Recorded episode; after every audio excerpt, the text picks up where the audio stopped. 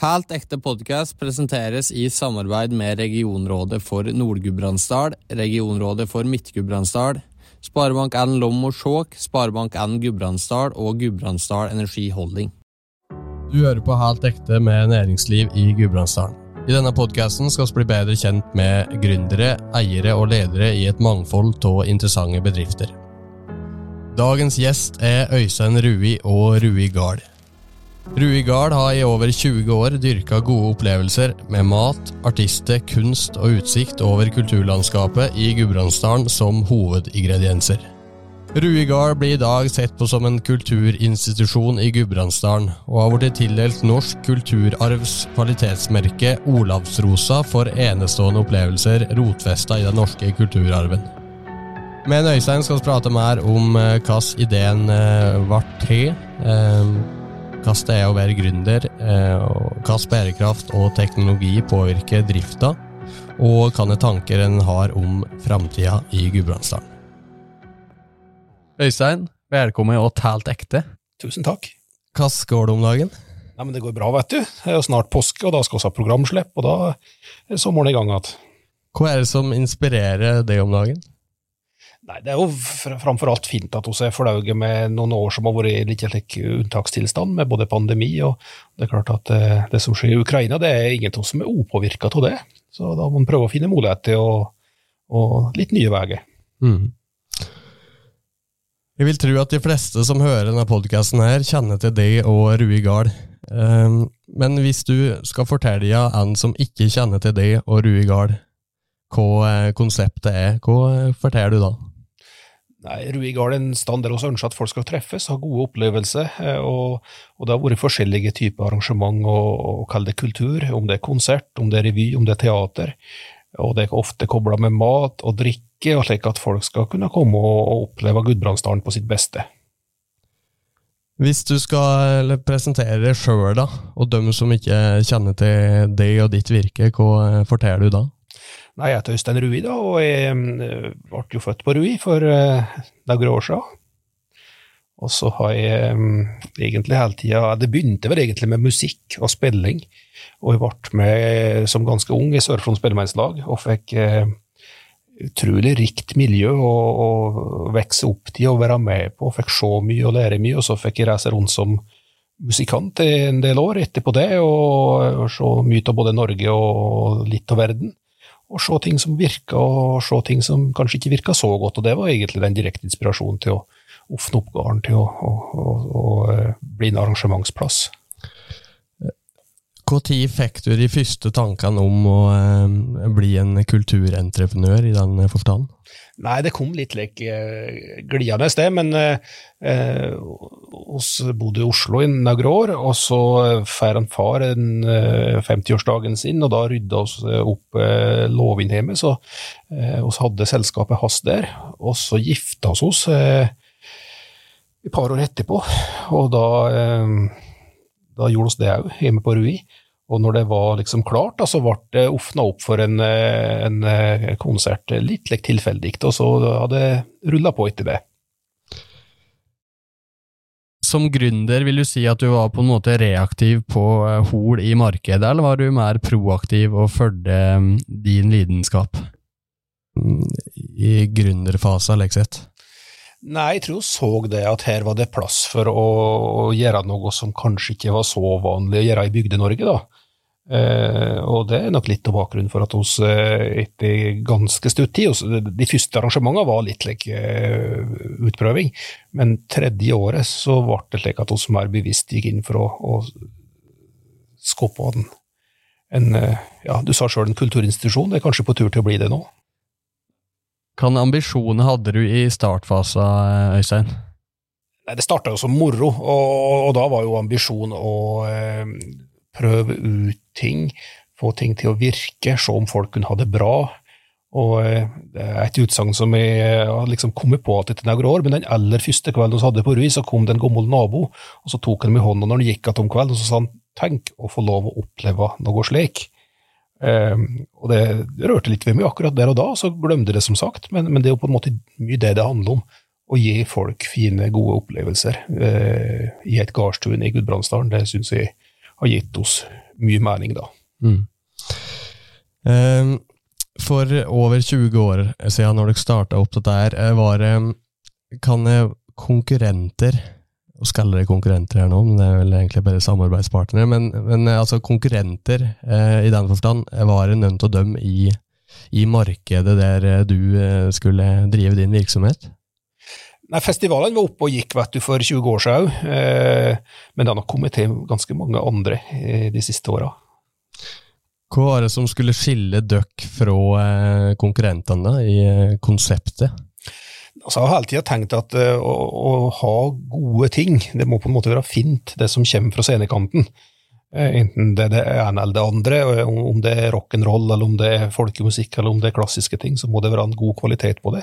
Og det får oss til, vet du. det er du får folk fra hele Norges land til å stoppe i Gudbrandsdalen, og vi har mange flinke folk lokalt òg, som har vært med oss gang etter gang, så, så, det har vært viktig. Og så har det òg vært viktig for oss å liksom ikke gjøre det gjøre det litt, litt ujålete, da.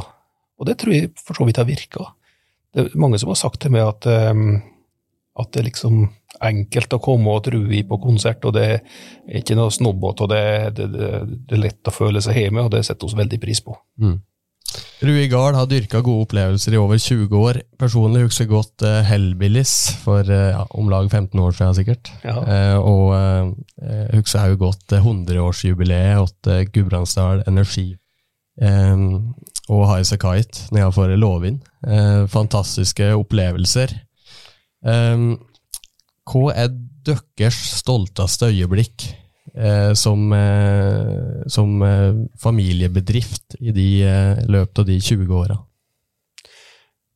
Det er mye, vet du. Det er, jeg regna etter for litt siden. Jeg tror det har vært like, pluss-minus 500 eh, konserter og OPG kulturarrangement, og så har det vært mange bedriftsarrangement og gjestebo og slike ting. Og du nevnte noen, eh, f.eks. det her med, med, å få logge 100-årsjubileet til Gudbrandsdal Energi eh, med en eh, stor og ambisiøs festmiddag og får inviterte gjester. 1500 på jordet til Highas Kite, og så en stor fest etterpå. Det er klart at Da får du på en måte strekt deg litt, da, og får tenkt gjennom både logistikken og, og hvordan du skal klare å få det til å bli så bra som mulig. Så Det har vi hatt veldig stor glede av. Ellers har vi jo fått uh, mye like Hva heter det? Heder og ære. Men uh, noe som jeg setter veldig pris på, var å, å få verdiskapingsprisen for uh, Midt-Gudbrandsdalen. Der du på en måte ja, forhåpentligvis da på noe som har vært til ekte verdi for hele lokalsamfunnet gjennom noen år. Mm. Er det ett spesielt vendepunkt du ser at den er på som eh, vesentlig i hvordan eh, Rui Gard utvikla seg som, eh, som kulturinstitusjon? Um, ja, det starta jo som vi har prata om, litt like, uh, som en idé og som, en, uh, som et utprøvingsprosjekt. Så så vi det etter sju-åtte år at uh, det er stor forskjell på å ha dyr i et fjos og ha folk i et fjos og en låve som hun sa heller på eh, noen år, så, så så vi så tydelig at vi måtte gjøre grep for å, for å eh, bli mer trygg på produktet, kan du si. Den gamle ruiloven den var uisolert, og det var bølgeblikk på taket. Og det var egentlig slik at når det var varmt ute, så var det for varmt inne, og når det var kaldt ute, så var det altfor kaldt inne. Og Hvis det var nordavind, så blåste det tvert igjennom. Og hvis det regna, så tromma det på taket. Jeg husker særlig en gang, eh, det var det Arve Tellefsen som hadde konsert for eh, oss, og det var stappende fullt i salen. Og så bare ofna himmelen seg. Så det regna som det ikke skulle vært himmel på, og eh, måtte bare stoppe. For det tromma så hardt på bøljeblikktaket at det var ingen som hørte en eneste feletone. Så da måtte hun stoppe, og Arve sette seg på scenekanten og prata med de fremste der, og, og så gikk det 25 minutter, og så stoppa regnet, så skulle han sluttføre konserten, da. Var det da du bestemte deg for å bygge ny LHV? Ja, da, da sto vi litt ved like vendepunkt som du spurte om, da, og, og bestemte oss for at hvis vi skal drive med dette, så må vi bare gjøre et litt kraftig grep, slik at vi får kontroll på slike ytre faktorer. Men òg da uten at vi skulle bygge vekk eh, liksom særpreget, så, så opptatt at det fortsatt skulle være en låve. Det, det var liksom med oss i planleggingen hele tida. Jeg vet jo at du er en eh, historieforteller av rang, Øystein. eh, Og du har sikkert eh, vanvittig mye gode historier, med over 500 arrangement under beltet. Og så er det sikkert ikke alle som egner seg på podkast, men har du, har du noe du kunne fortalt om? Noe som du syns er utrolig artig å se tilbake på? Ja, det er jo fryktelig mange ting, men eh, det er klart at du, du får jo på en måte verden og litt lekt til gards når det kommer så mye både publikum og artister. Så, eh, så, så det blir jo litt like eh, nye vrier hver gang. Jeg husker annet en trommeslager som kom direkte fra Nord-Norge. Vi var på festival, på Trænafestivalen. Og så hadde han nok blitt litt kjei utpå kvelden, så du må måtte trille han Det var ikke, var ikke noe biloppdrivet, så du må trille han på en pall med på ei jekketralle i fem kilometer. Jeg hadde bruk for litt ekstra massasje før jeg kunne gå på scenen. Og det var på gården tøy? Ja, det var der han fikk massasje, men det var i Nord-Norge det var trilla, da. Med så mange høydepunkt å se tilbake på, så er det òg naturlig at det følger med noen nedturer. Um, har det vært noen perioder du ser at den er på som spesielt krevende for uh, bedrifta Rui Gard? Nei, men Det som generelt er krevende, det er jo på en måte å, å drive med kulturarrangement i privat regi, for det er på en måte ikke rigga opp slik at det, det er ikke det som er det typiske i Norges land. Så, så kjenner jo på det at det er en eh, utfordrende konkurransesituasjon med kan du si, de offentlige arenaene der infrastrukturen er betalt, og der det gjerne er med en vaktmester, ikke sant, og kanskje har du et driftsbudsjett som du kan, kan bruke litt av. Da er det krevende å både skulle bygge hus, drive hus, være din egen vaktmester og skape grunnlag for å kunne ta ut litt egen lønn eh, med samme virkemiddel som stort sett er artister og konserter. da. Mm.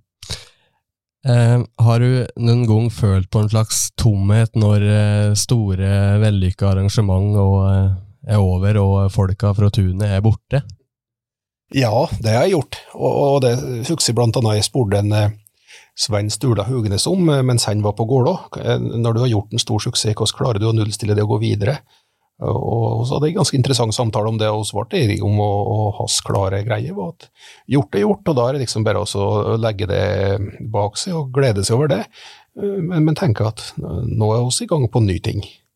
Og, og det beste egentlig når du kjenner på den tomheten som kan komme, så er egentlig å bare begynne med noe nytt. Dere er jo ei familiebedrift, som vi har vært inne på, um, og da blir kanskje alt ekstra nært når dere, dere er helt avhengig av orinan og lever av garn.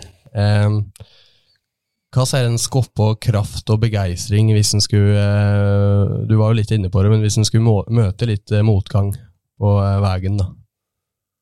Det er jo verdifullt at, at en har med seg både eldre og yngre generasjoner. og så har det sine sider. Jeg husker jo minstegutten vår som heter Eirik, som begynner å bli stor nå, men um, når han var fire år, så husker han var med på polet, og han har hørt på utrolig mye konserter. Blant annet en fredagskveld så hadde vi Åsmund Nordstoga med eh, sanger av litt ulikt eh, tekstmessig innhold på scenen vår. Og eh, så skulle vi på Polet lørdag og fylle på litt til et bryllup som skulle være om kvelden. og og Eirik gikk rundt på mellom hyllene der mens jeg fant det jeg skulle ha, og plutselig hørte han sette til å synge for full hærs.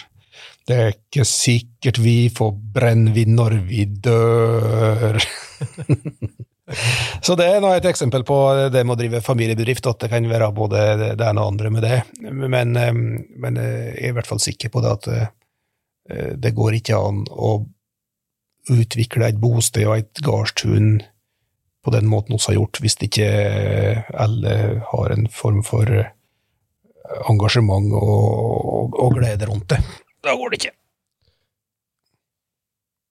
Hvor viktig er det med Du, altså, du er jo inne på det, men dette der med eierskap åt all felles eierskap da, åt den der eh, virksomheten der, hvor viktig er det for å få det til?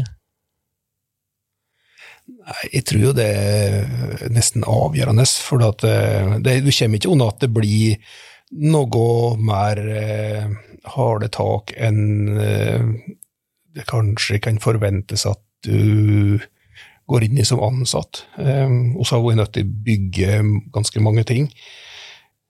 Telle over, og, med stort og smått så er det i hvert fall mer enn ti, kanskje nærmere 15 hus som vi har satt opp. Akkurat med det til formål å kunne ta imot folk på en god måte, da. Og det er klart at det har gått mange tidlige morgen og sene kvelder for å få til det. Eh, og, og, og, la oss si at hvis bare én i familien har vært interessert i det, så da tror jeg det har blitt vanskelig. Eh, de jeg har prata med, sier at du er Eller de kildene jeg har pratet med, sier at du er kontinuerlig på leting etter nye konsept. Eh, er det noe spesielle konsept eller noe, altså på det strategiske plan da du jobber med nå om dagen? Uh, ja, det, det, blir jo litt like uh, Som jeg sa, så begynte jo det her med at jeg fikk reise rundt som uh, spillemann sjøl og, og, se på hvordan det var når, når, andre arrangerte ting.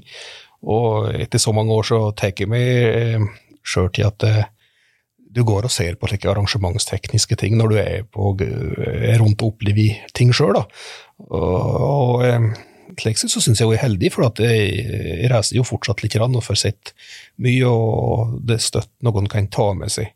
Jeg er opptatt av å prøve å finne en slags totalopplevelse, og, og, jeg ser jo at dette her med god mat og drikke, og helst med en lokal historie, det må komplettere veldig godt eh, det som skjer på scenen. Og når det lykkes, så kommer folk lenger unna fra. Um, så ser vi Summe som har oppdaga at det er fint f.eks. å komme til Midtdalen og gå en tur på pilegrimsstigen. Det er Summe som kjører opp i Sødorp, og så går de et par timer, så lander de mot oss, og så får de et godt måltid. Og så går de på ei forestilling, og så får de seg skyss tilbake og henter bilen sent på kvelden. Uh, så, så klarer å finne seg totalkonsepter. Det tror jeg er ganske viktig, og der er jeg sikker på at det er fortsatt veldig mye som ikke er tenkt på, ikke er gjort.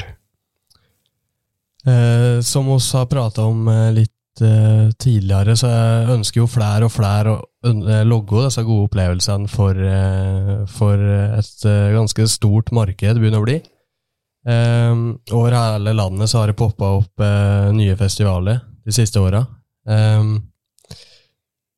du, du, har pratet på at du merker, merker denne endringa her, men, men hvordan jobber dere nå for å på en måte differensiere dere fra eh, alle disse konseptene her, da?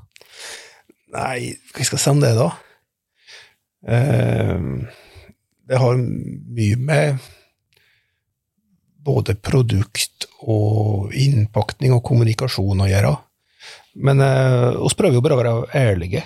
At det er på en måte det er Gudbrandsdalen.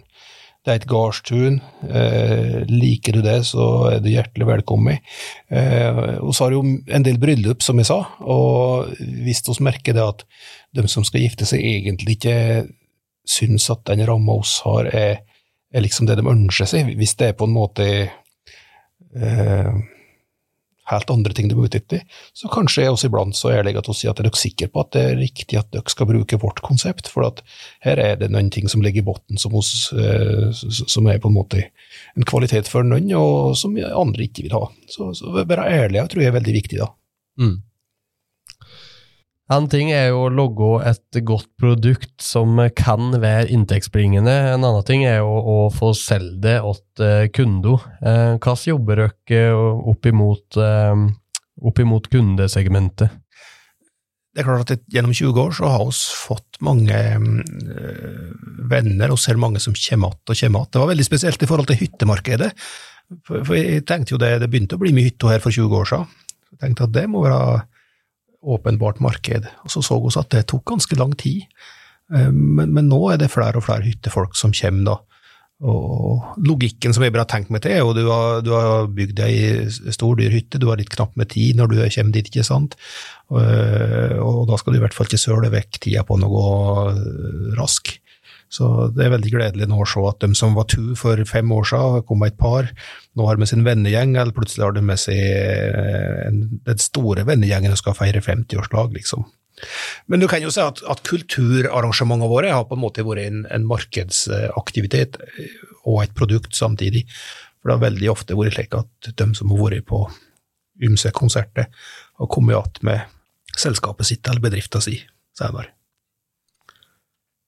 Hvor viktig er det da med kvalitetssikring eh, i alle ledd, da? Hvis det er det som på en måte får snowballen til å bli større? Det er viktig, det, og jeg tror jeg kan eh, være ganske trygg på at når det gjelder selve arrangementene, så har vi gjort eh, Og så har jeg i hvert fall ikke gått på noen store spiller, det jeg har klart å registrere sjøl. Og, og, så må jeg innrømme at nå tidvis har jeg hatt såpass mange ball i lufta at jeg har faktisk ikke klart å kanskje ta godt nok hånd om alle eh, som kunne ønske seg å, å legge en opplevelse til oss. Jeg har litt en dårlig samvittighet der, så det skal jeg prøve å skjerpe meg på. Hva kan analyser eller prosesser ligge til grunn for å vurdere om uh, dette konseptet her vil slå an, eller om det vil bli fiasko? Å nei, det, det, er ganske utfordrende spørsmål, Sivert. Men eh, til sjuende og sist, det som jeg kanskje kjenner aller mest på, det er jo moggofølelsen. Når du har liksom gjort 500 konserter, så kjenner Du har på en måte fått kalibrert det, på en måte. Og det er jo ikke slik støtt at hun skal ha fullt hus på alle ting. Det hender at hun og like tett på uh, ting som er helt greit, om det kommer 20 eller 30 på, ikke sant? Så, det, så det, det, det, er på en måte mange nivåer da. Uh, men uh, det er litt like ubevisst, tror jeg, et sett med parameter som du går gjennom når du får spilt inn i det, og så, så kjenner du om det er noe. Og, så har jeg, må innrømme at jeg har veldig mange gode kolleger og venner som det går an å råføre seg litt med. Eh, for du er jo i tvil iblant. Uten dyktige ansatte så blir det ingen fest. Eh, dere er jo i bunn og grunn ei familiebedrift bestående av eh, tre generasjoner. I tillegg så har mange lokale, yngre arbeidstakere fått mulighet til å ta sitt første sommerarbeid, eller få sin første arbeidserfaring åt døkk. Eh, hvordan opplevde du å jobbe på tvers av ulike generasjoner? Det har vært så utrolig givende, og det gjelder både oppover og nedover. Vi har hatt med oss noen seniorfolk òg, som har virkelig gjort oss mye i, vårt uh, arbeid.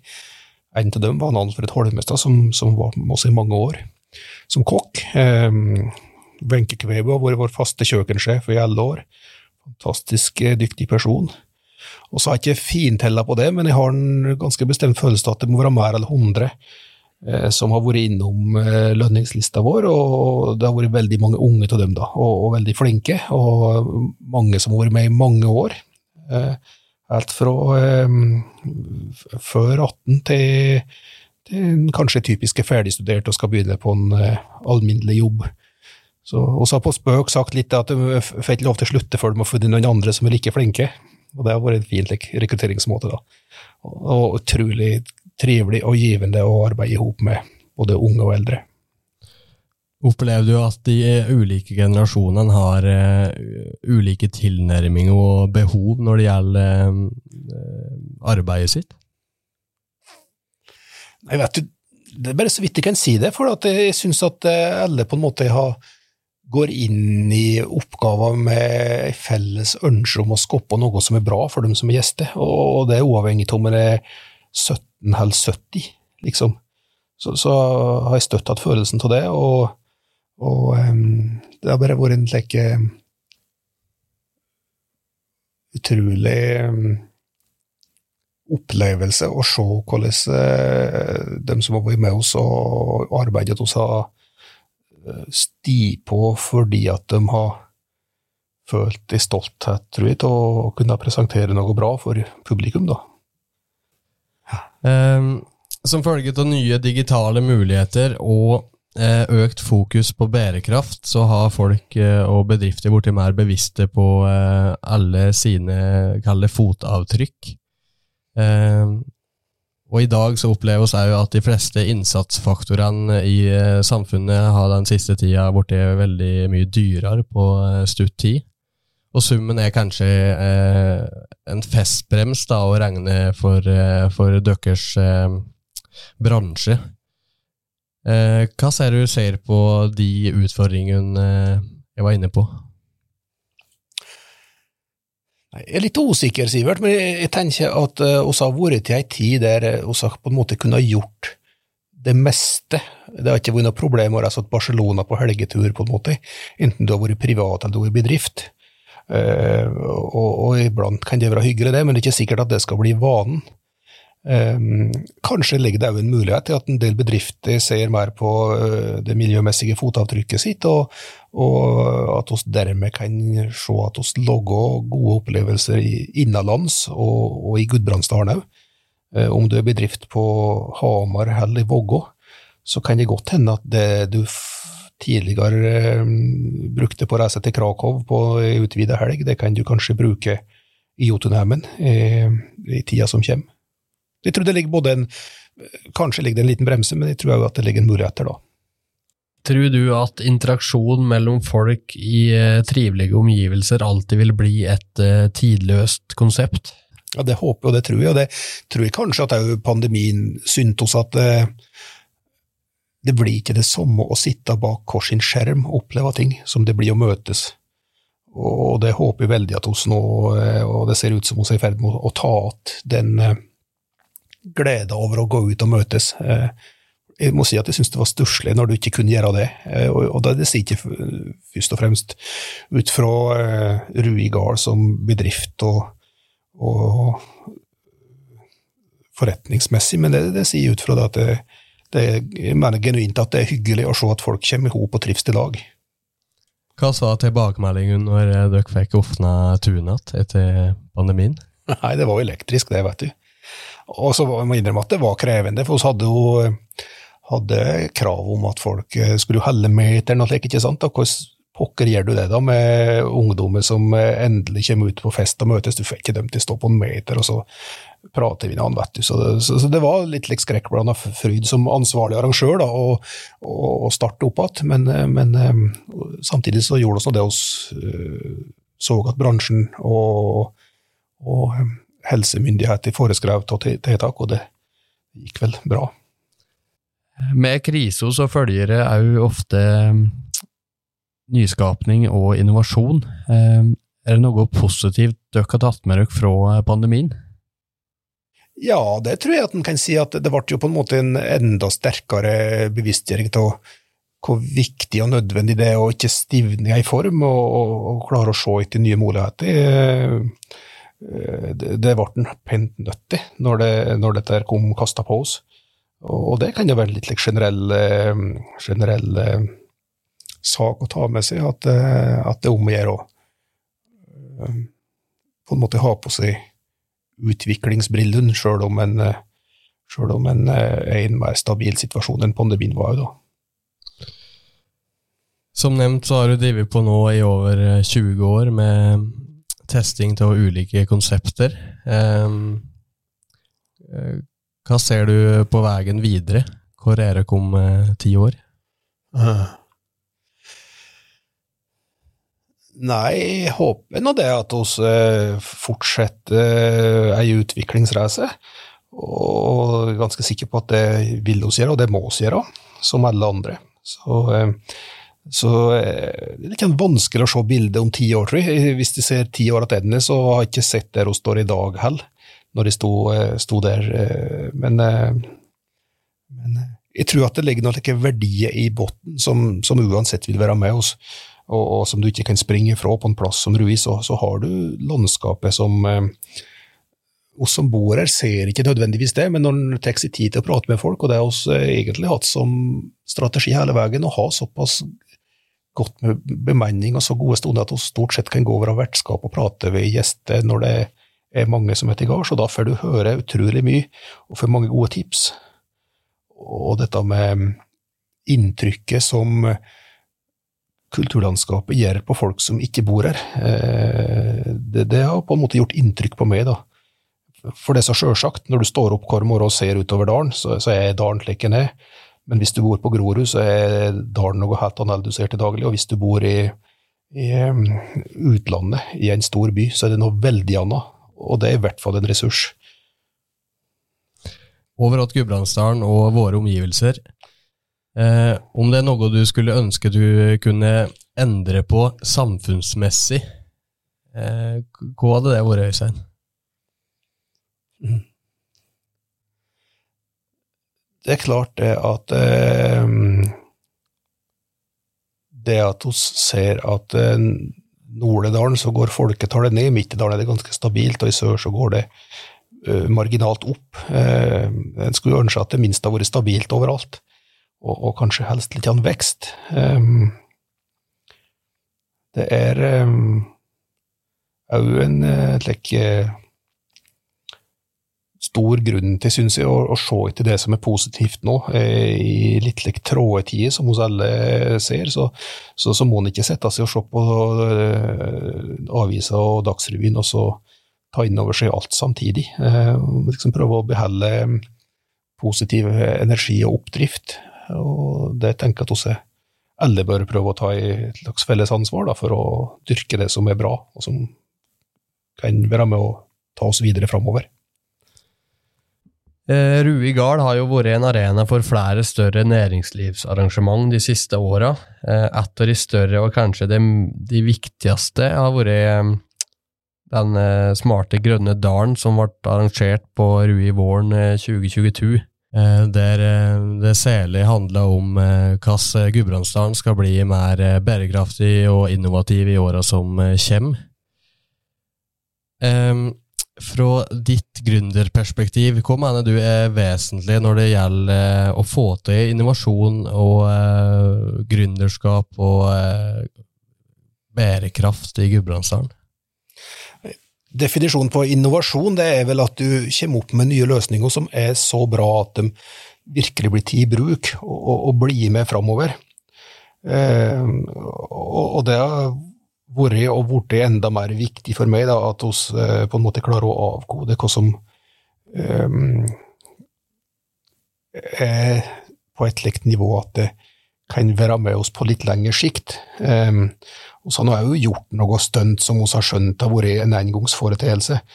Men liksom å, å, å, kunne innarbeide ting i nærmest uh, rutiner, og slik sett se ting for et mer langsiktig um, en mer langsiktig effekt. Det er litt viktig for meg, da. Uh, og det er kanskje noe med at jeg har vært med som du sier, ganske lenge nå. Og så berømmer jo veldig og applauderer ungdom eller uh, mot og entusiasme og slike ting. Og så skal jeg prøve å passe meg for å si at det har vi prøvd før, og det gikk ikke da, så da går det sikkert ikke nå. Det er en fare for det, vet du. Um, men det er mange muligheter, og, um, og så tenker jeg at um, det å invitere ungdommen med uh, inn i uh, både definisjon og gjennomføring av uh, nye konsept er utrolig viktig. da. Jeg tror det er mye impulser å hente der. Det er liksom det er dere som er fremst i skoen på dette. Det er jo spennende, så jeg lanserte noen idé om at å, å kunne ha store kulturopplevelser eh, egentlig over hele landet, i, eh, i eh, både grisgrendte strøk og, og, by, det, det er jo en slags type miljøtanke som kan ligge inn i det. da. At du flytter en artist til Gålå. Det er en som reiser oppover, og så er det 3000 som kommer på Rondaståk og får med seg det. Og hvis mange av dem kommer like, lokalt og regionalt, så, så har du spora utrolig mye CO2 da. Du har jo vært mye rundt og reist, Øystein, eh, og eh, har et eh, voldsomt nettverk både som kulturentreprenør og spellemann. Hva mener du er Gudbrandsdølene sitt konkurransefortrinn? Nei, oss går jo for å være til å lite på, da. og og solide arbeidsfolk, og det også gjorde inntrykk på meg når jeg som helt ung fikk arbeid i, i, med å drive grøftrensk i Lodalstunnelen i Oslo. Så, så merka jeg jo for første gang den statusen som anleggsfolk fra Gudbrandsdalen har opparbeidet seg gjennom generasjoner, helt fra, fra det å reise ut på anlegg ble en vanlig syssel for, for folket fra Gudbrandsdalen. Og det tror jeg også har tatt oss inn i de fleste andre, andre eh, på en måte deler av næringsliv. da. At hvis vi har sagt en ting, så gjør vi det beste vi kan for å få det til å skje. At det blir liksom vi har tenkt det skal være. Og så er vi vel egentlig ganske arbeidssamne, tror jeg, og liker å ta tiltak, liker å få til resultat, og, og jeg syns òg at vi er ganske gode til å samarbeide, altså. Det er som uh, utrolig Ja, med det vi driver med, i hvert fall, så er det lett å få ting opp og stå, for det er så mye gode krefter rundt omkring som ønsker å bidra inn i en slags felles pott, slik at ting blir bra. Hva er det vi kan bli bedre på, da, sammenligna med andre eh, kulturer? eller plasser, eller folk? Nei, det er jo Kanskje vi kan bli litt mer vågale, da. Jeg, jeg går liksom ikke med på at vi er siderumpa, ser du. Jeg kjøper ikke helt det. Eh, men eh, det er klart det at en eh, ser vel det at i litt større, mer folketette områder, så er det flere ressurser å spille på. Òg i forhold til risiko og risikokapital og slike ting. Og for Ruja så er egentlig heldige og hatt med oss gode støttespillere hele veien. Kommunen har vært med oss, Energiverk og bank har vært med oss, Sparebank1. Så skal ikke klage på det, men, men det er kanskje flere å spørre hvis du bor på Bekkestua.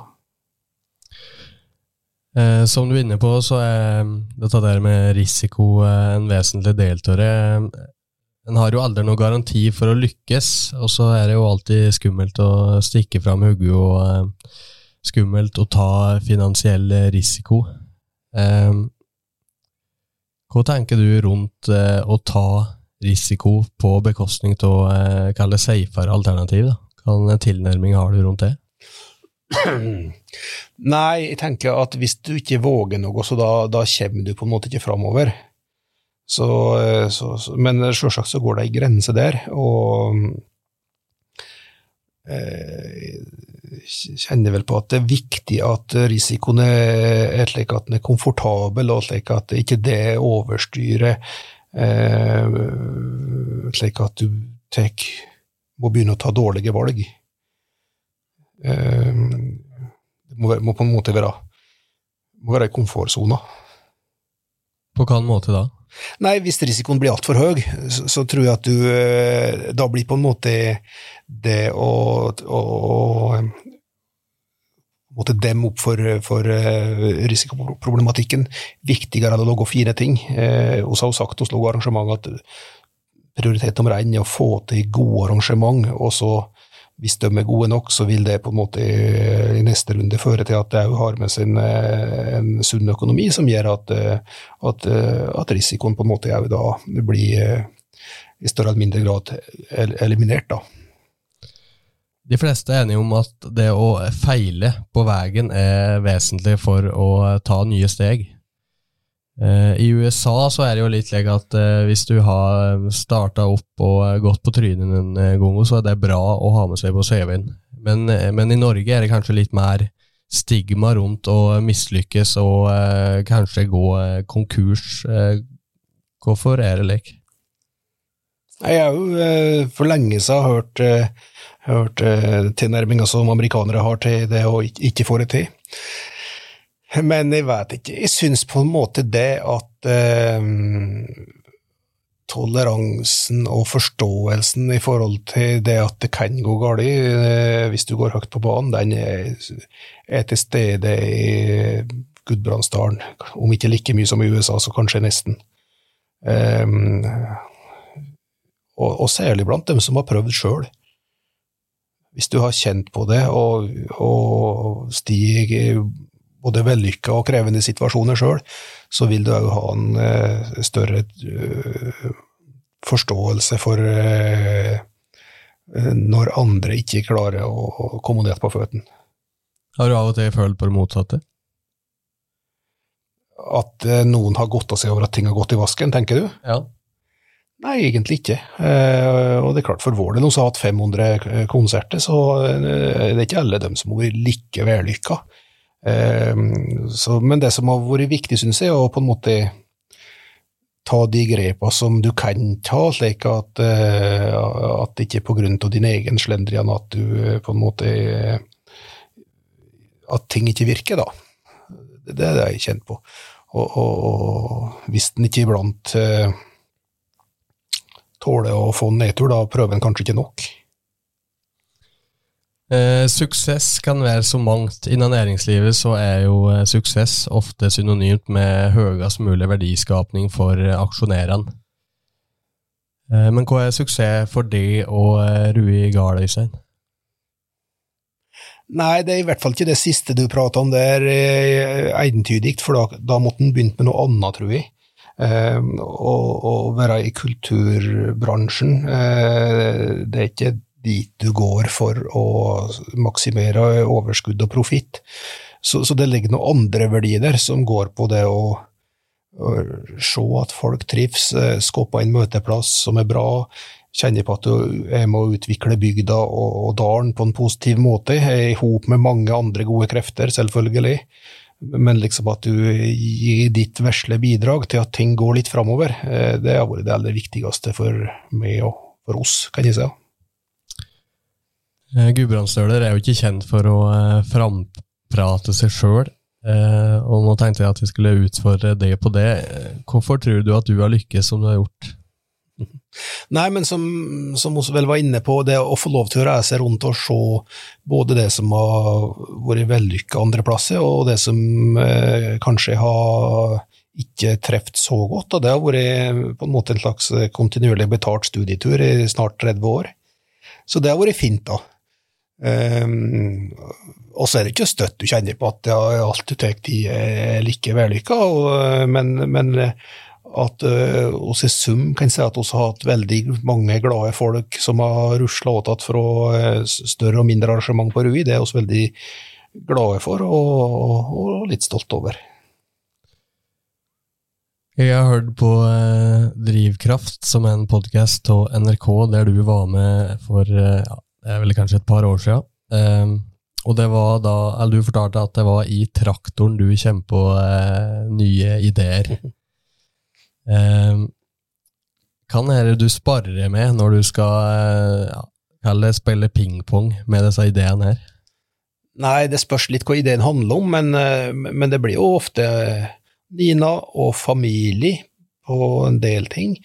Og så er det noe ymse slags eh, nettverk vi har, annet et lite nettverk nå der vi er eh, tre stykker pluss en litt mer uavhengig rådgiver, som alle har det til felles at vi eh, driver med relativt store kulturarrangement i privat regi. Vi har bygd opp våre egne kulturarenaer, som egentlig er ganske utypisk i Norges land og legge millioner i å utvikle sal og scene. Det er ikke så vanlig. Så det har vært et nettverk der vi har hatt stor glede og nytte av å utveksle erfaringer, da. Uh, og, og, slik finnes det innen de fleste felt. Vi var jo en stund der at vi uh, skulle på en måte profesjonalisere styrefunksjonen i driftsselskapet vårt på Rui, uh, men det ble bare ett møte av, og så fant vi ut at i stedet for å ha tre personer i et styre som hun skal bry med eh, alt mulig rart, så er det kanskje like godt å ha 10 eller 15 folk som du prater med ganske eh, For så vidt ikke regelmessig, men når du har bruk for å ta en telefon, så går det en gang ene veien og neste gang andre veien, og så, så får du litt like, ekspertråd har du alltid vært veldig bevisst på å benytte deg av eh, nettverk og folk i, i, arbeidet med å finne ut om eh, en idé er god eller ikke? Ja, jeg tror det, og så er det slik at til, sist og slutt så må du på en måte bare ta valget og stå på det du har bestemt deg for sjøl, da.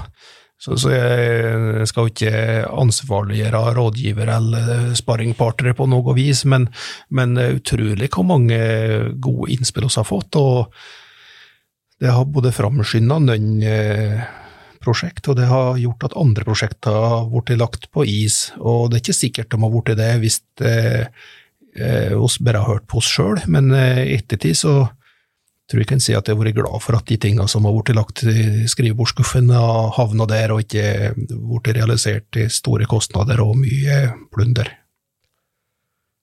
Eh, jeg vet at det du og dere på Ruigard har fått til, er til stor inspirasjon eh, for mange.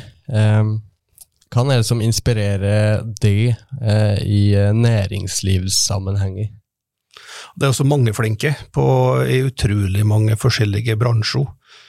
Så eh, jeg har jo stor glede til å høre på eh, for så vidt både folk i lederposisjon og, og, og eh, folk kan jo si mer på gulvet som har tenkt seg om, for det er utrolig mange som har tenkt seg om i Norges land, og mange av dem har mye å komme med. Så, eh, så og, det å tenke på tvers av bransjer tror jeg er ganske viktig, da. At du Jeg har i hvert fall funnet stor inspirasjon i å, å høre på folk som driver med helt andre ting enn det oss sjøl driver med. På hvilken måte blir du inspirert av de ulike inspirasjonskildene? Nei, iblant så må du bare kløre i hodet og lure på i hele verden hvordan går det an? Og, og, hvis det går an, som høres helt totalt um, utopisk ut, så, så, kanskje må du bare snu på noen forutsetninger oppi knotten din, og så, så, så, kan det hende at det skal på nytt liv til ting du egentlig har skrinlagt sjøl, eksempel. Eh, men at en bare får klare å finne en annen inngang på det, da, så, er det mulig å, å få det til. Hvis vi går tilbake til oppstarten, er det noe du eh, vet nå som du gjerne skulle visst for 10-15-20 eh, år siden? Eh, det var veldig inn å prate om kultur som næring når vi begynte for omkring 20 år siden. Det var på en måte en et, Ja, det var prata mye om det. Nå er det ikke prata så mye om det og, og den bevisstheten rundt det å, å, å bygge kulturarena eh, i privat regi, den, den tenker jeg at eh, Der er det litt å hente òg i dag, på, på en måte hva er det lurt å gi seg ut på, og hva eh, skal du le eh, det offentlige styre med på egen hånd. Eh, fra et gründerperspektiv, hva er det viktigste du har lært? Nei, Jeg tror jo det at den sterke trua på at liksom produktet, innpakkinga, landskapet, husa, uh, folka du får på scenen At du finner en slags match der som, som du kjenner rett sjøl. Da kan det hende at den andre kjenner at den er rett òg. Og så har vi utrolig mange tilbud, eh, om, og særlig nå etter pandemi og slik, så er det veldig mange tilbud på uh, ting som skal uh, komme til gards, og, og, og, da må vi liksom bare prøve å finne et slags skjønne skjønner hva dette er for noe, slik at vi tror på det sjøl. For hvis du ikke tror på det sjøl, da, er det vanskelig å formidle det til andre som skal bruke det som en del av sin opplevelse, enten det er ei bedrift som skal komme og feire 100 år, eller om det er et Ola og Kari fra Vågå som skal ta sin kveldstur til Midtdalen for å kjøpe seg middag og høre på en fin artist. Du har jo prøvd veldig mange ulike konsept, Øystein, eh, og det er jo ikke sikkert at det som funka før, funker i dag. Er det da vanskelig å kutte ut konsept som eh, har slitt tidligere, og som har vært veldig sentrale for dere, som dere har hatt veldig tro på? Eh, ja, og det er ikke alle konsept som skal være med til evig tid. Altså, vi har gjort mange ting som har, har blitt lagt til sides. Det er jo helt åpenbar årsak til det. Når du oss var helt i starten, så hadde også blant annet som oss, eh, noe som som etter eh. Og da drev vi med traktor og stabla rundbeller i høye tårn, og vi lå noen stativ der vi kunne dra rundbeller bak oss som konkurranse. Um, og det var jo livsfarlig, vet du. Folk trilla jo, det ble jo helt ville, ikke sant, og dro seg rundbellen. Så det var en som spente inn i føttene sine, ble trilla over til en rundbell, og, den tok på avvei og trilla ned hele billettbordet og pengekassa og alt for utover gardsplassen. Så, så det skjønte vi at her er det for stor risiko at jeg kan drive med for en rundbell på en par-tre hundre kilo med hva helm, da. Men, men det, det, ble for um, voldsomt. Så vi har lagt til side en, en del ting, da. Uh, og jeg tror det er liksom den magefølelsen at du, hvis du har gjort ting i sju år og kjenner at du er, begynner å bli i tvil, da er kanskje den tvilen riktig. Da, da kan det få hvile, og så kan du finne på noe nytt. For en gründer som mister trua, hva er viktig å gjøre da? Ja, Man får to, tror jeg. Hva sier den gjør der, da?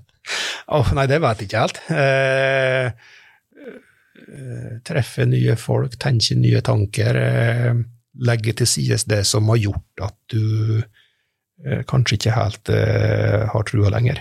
Eh, du må prøve å få til et eller annet skift. Hvis du skal gi eh, en eh, fremtidig eh, gründer, leder i næringslivet, eller kanskje noe helt annet, et godt råd, hva, eh, hva ville det vært da? Jeg var så heldig i noen år å få sitte i mm, styret for Per Gynt på Vinstra, og på den tida hadde vi en utrolig mm, klok og ja en, en styreleder som, som jeg har veldig stor respekt for. Han heter Sten Magnus, og han eh, sa en ting som eh, kan virke opplagt, men, men det var at eh, der du har dine gaver, skal du også ha dine oppgaver, sa han Sten Magnus.